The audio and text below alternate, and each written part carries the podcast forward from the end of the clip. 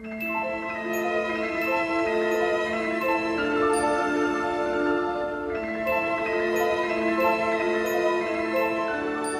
eser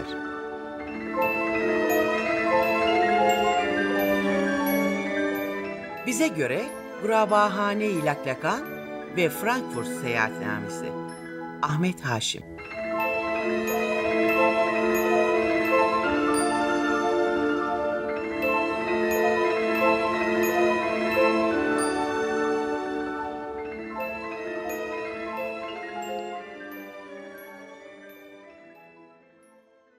Frankfurt'a gelene herkesin sorduğu şunlardır.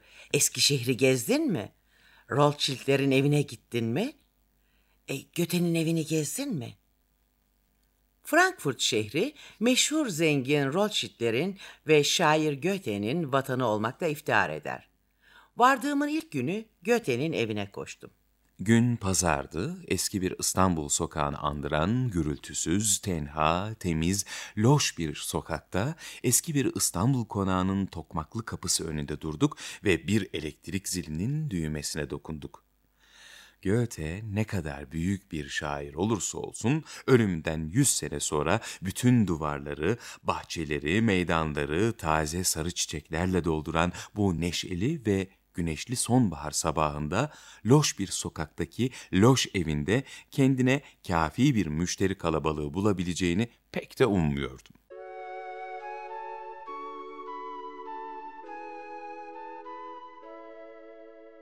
Goethe'nin müze evini ziyaret etmeden önceki düşüncelerinden çok farklı bir ortamla karşılaşır Ahmet Haşim. Goethe'yi ölümünden yüz sene sonra ziyaret edecek iki kişi bile bulunmaz diye düşünüyordum.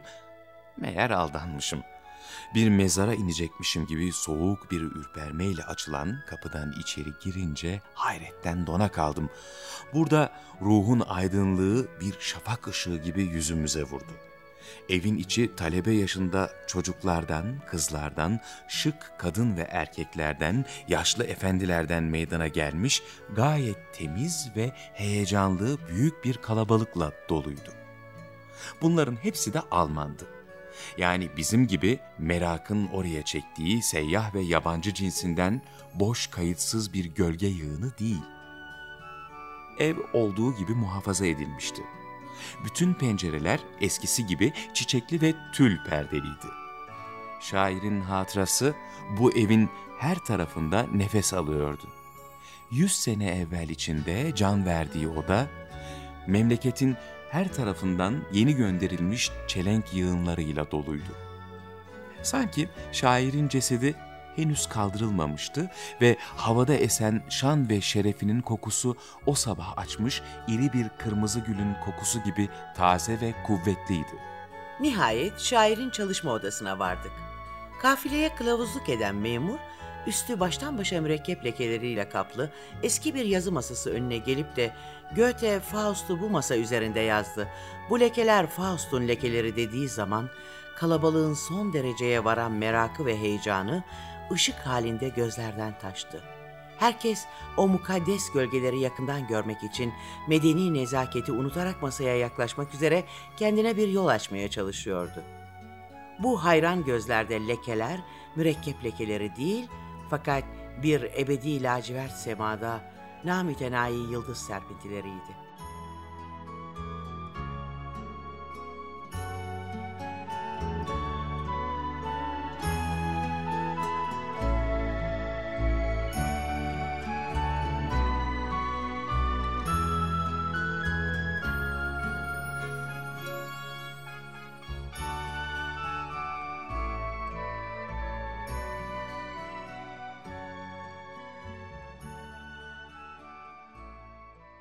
Merhaba sevgili dinleyenler.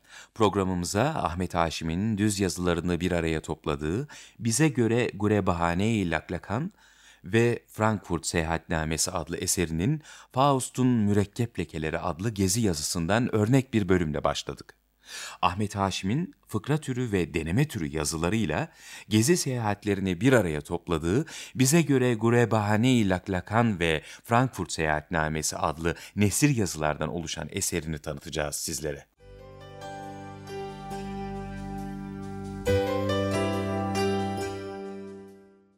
Fecraati dönemi içinde yer alan ama aslında ferdiyetçi öz şiir tarzının ustalarındandır Ahmet Haşim.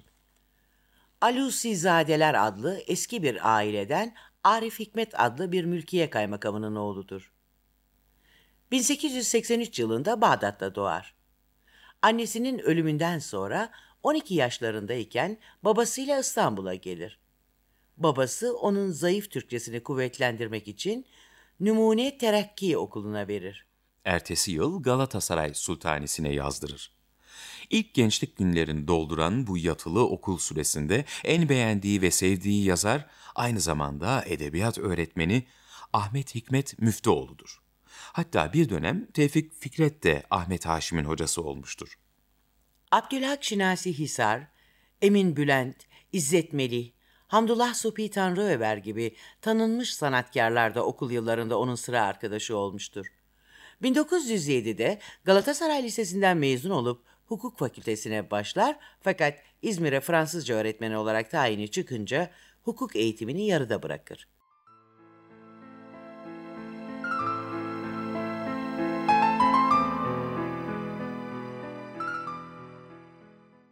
Birinci Dünya Savaşı'nda yedek subay olarak Çanakkale ve İzmir'de bulunan Ahmet Haşim, savaştan sonra kısa süreli memurluklar yapar. 1921'de Dergah dergisinde yazılar yazmaya başlar. Daha sonra İktam, Akşam, Mülkiye dergisi ile Milliyet gazetesinde fıkra ve gezi türünde nesirlerini yayımlar. Bize göre Gurebahane-i Laklakan ve Frankfurt Seyahatnamesi adlı eser bu yazılardan oluşur. Sanayi Nefise Mektebi, bugünkü adıyla Mimar Sinan Güzel Sanatlar Akademisi'nde estetik ve mitologya okutur. Ahmet Haşim, öteden beri ıstırap veren böbrek hastalığı yüzünden 4 Haziran 1933'te Kadıköy'deki bir küçük evde yalnız ve kimsesiz olarak dünyaya veda eder. Mezarı Eyüp'te babasının kabri yanındadır.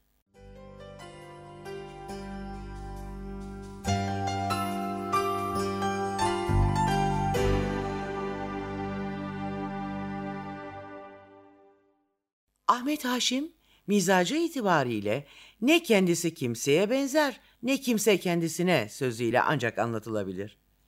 Şiirleri kadar huylarının, kültürünün, nüktesinin, nefret ve sevgilerinin, hulasa mizacının da bambaşkalığı dillere destan olmuştur. Yakup Kadri Karaosmanoğlu, Ahmet Haşim için ruhunun o kadar orijinal bir hususiyeti vardır ki onu her muhite uyan karaktersiz insanlar arasına katmak kimsenin hatırından geçmez der.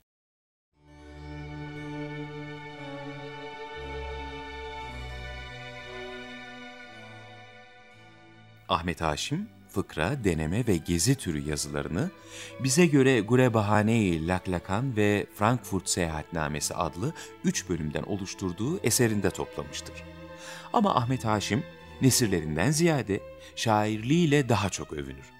Her şeyi içine alan şiiri her şeyin üstünde sever.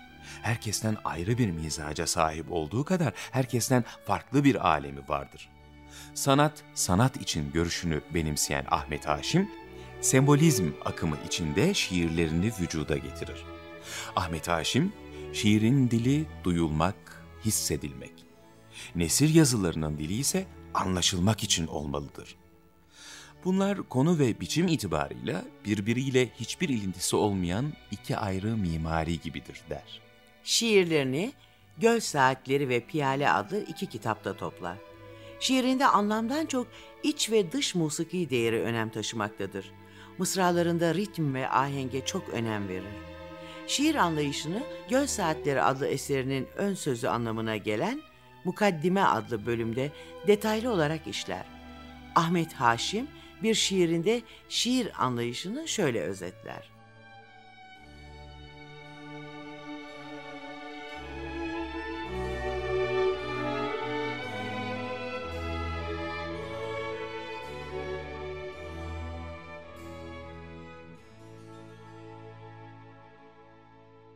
Seyreyledim eşgali hayatı, ben havza hayalin sularında. Bir aksi mülevvendir onun için, arzın bana ahçar nebatı. Eh Evet, insanın iç ürperişlerini, akşam güneşinin renklerini, mısralarla resim yapan bir sanatın özelliklerini, ışıklı duygularla, renkli seslerle örülü bir kompozisyonu, Ahmet Haşim'in empresyonist anlayışını şiirlerinde olduğu kadar düz yazılarında da bulabiliriz.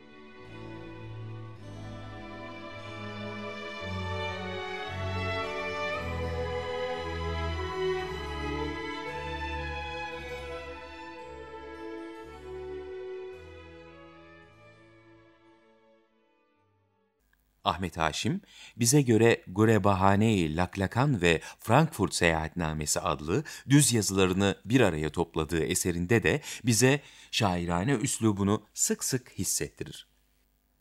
Bize onun düz yazılarını belki de en iyi tarif eden Ahmet Hamdi Tanpınar, onun için rüyasıyla hayat arasına atılmış bir köprü. Haşim, bu köprüden bazen inandığı kıymetlerin propagandasını yapan bir güzellik havarisi, Bazen de çirkinlik ve hamakat dünyasına akınlar yapan müthiş bir silahşör halinde sık sık geçer der. Şimdi eserin bize göre bölümündeki müthiş bir sinek adlı parçadan onun bu yönünü bize hissettiren kısa bir bölüm dinleyelim.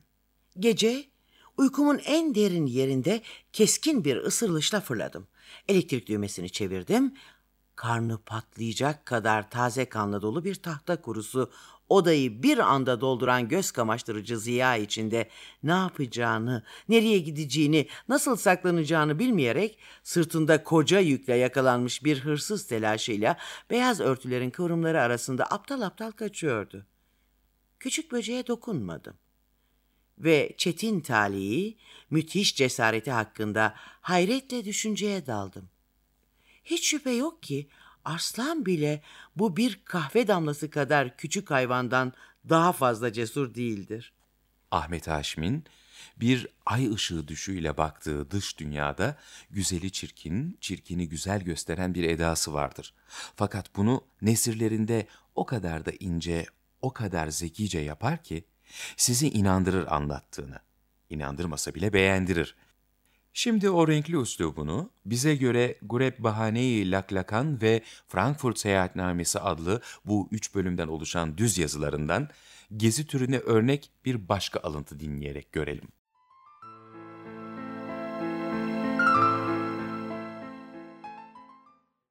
İnsan hayatının tatsızlığından ve etrafında görüp bıktığı şeylerin o yorucu alelade bir müddet kurtulabilmek ümidiyle seyahate çıkar.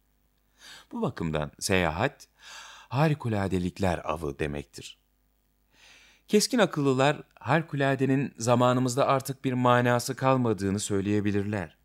Harikulade hiçbir zaman hakikat sahasında var olmamıştır ki bundan böyle olsun. Başka bir münasebetle de söylediğim gibi sırf kendi zihnimizin bir çalışma mahsulü olan ve sinema gibi bir kaynaktan dışarıya vuran harikulade birkaç alaladenin birleşmesinden meydana gelir. Öküz alaladedir. Ağaç alaladedir. Vakta ki öküz ağaca çıkar, harikulade vücuda gelir. Eski milletler dinleri için lazım olan tanrıları hep bu düstur ile yaptılar.'' Yunanlılar insan bedenini beygir vücuduyla birleştirerek sentur denilen mitolojik yaratığı, Asurlular insan başını, öküz vücudunu ve kartal kanadını hep bir yere getirerek büyük mabutlarını yarattılar. Bu ameliye, hayal yaratıcı şairin her dakika yaptığı ameliyedir. Hele geçici bir şair olan seyyah, yabancı alemler içinde kendisine arız olan cahillik sayesinde etrafını daima uydurucu bir gözün hayretleriyle görecektir. Evliya Çelebi'nin eski Türkiye'si, Conte Gabino'nun Afganistan'ı ve İran'ı, Pierre Loti'nin İstanbul'u, Paul Mora'nın New York'u ancak seyyah gözünün yoktan yaratıp görebileceği birer harikulade hayaldir.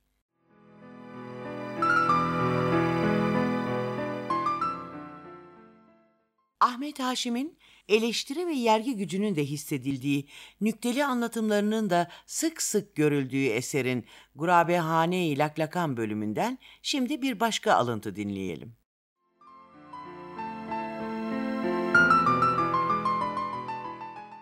Merhum Vefik Paşa dostumdu.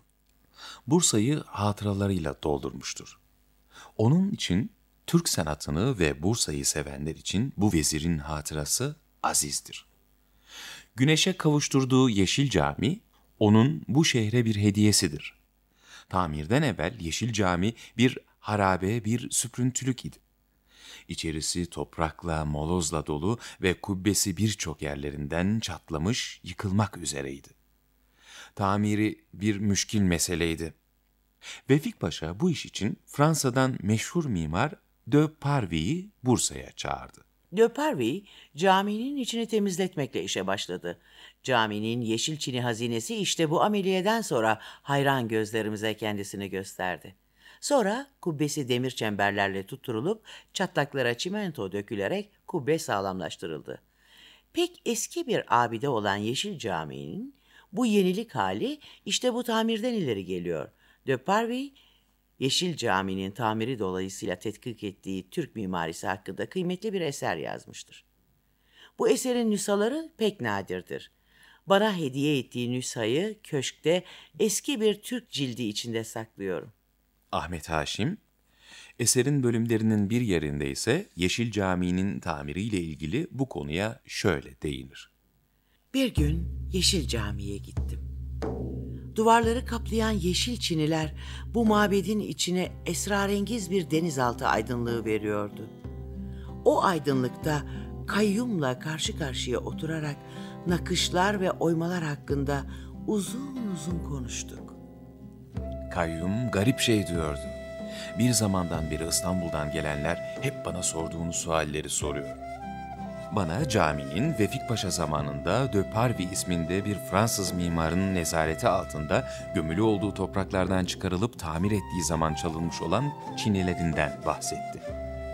Ve bu iş hakkında daha fazla tafsilat almak istiyorsam, Bursa'da 50-60 seneden beri yerleşen Türk dostu ve Türklere has sanat meraklısı Gregoire ismindeki zatla görüşmemi tavsiye etti.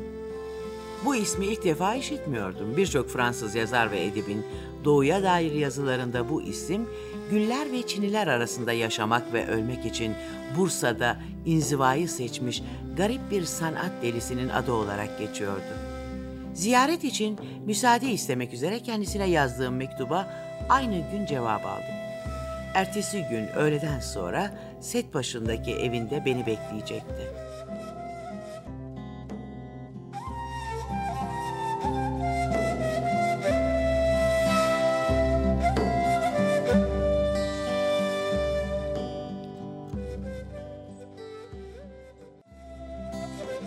Asrımızın kendine mahsus bir mimarisi olmadığı ve olmasına imkan bulunmadığı artık herkesçe bilinen münakaşaya değmez bir hakikattir.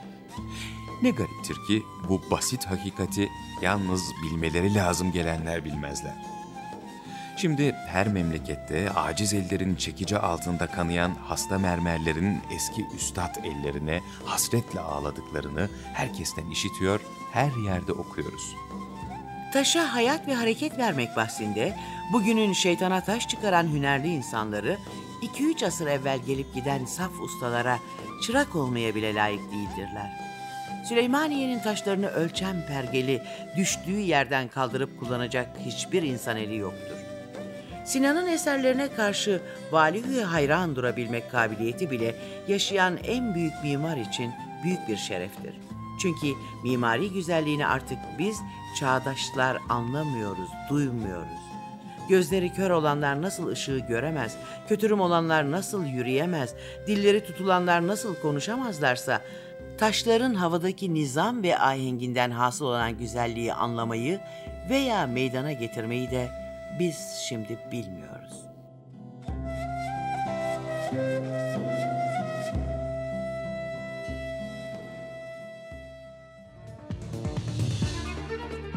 Nedendir acaba?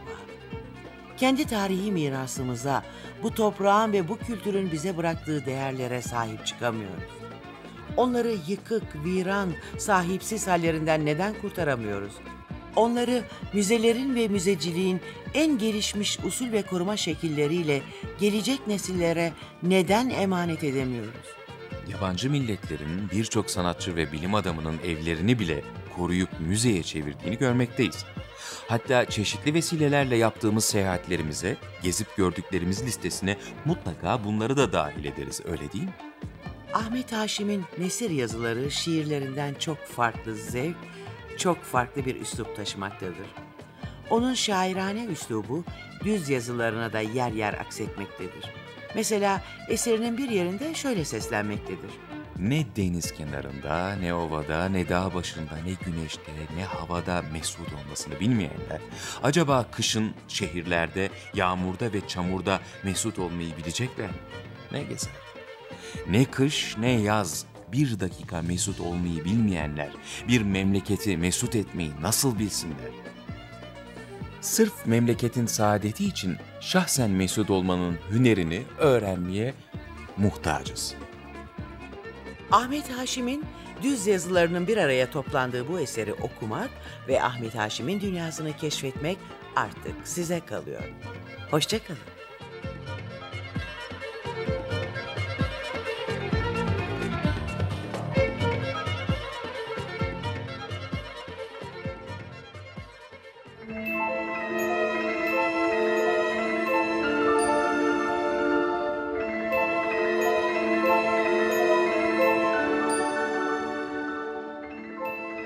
Program Milli Eğitim Bakanlığı Eğitim Teknolojileri Genel Müdürlüğü tarafından hazırlanmıştır.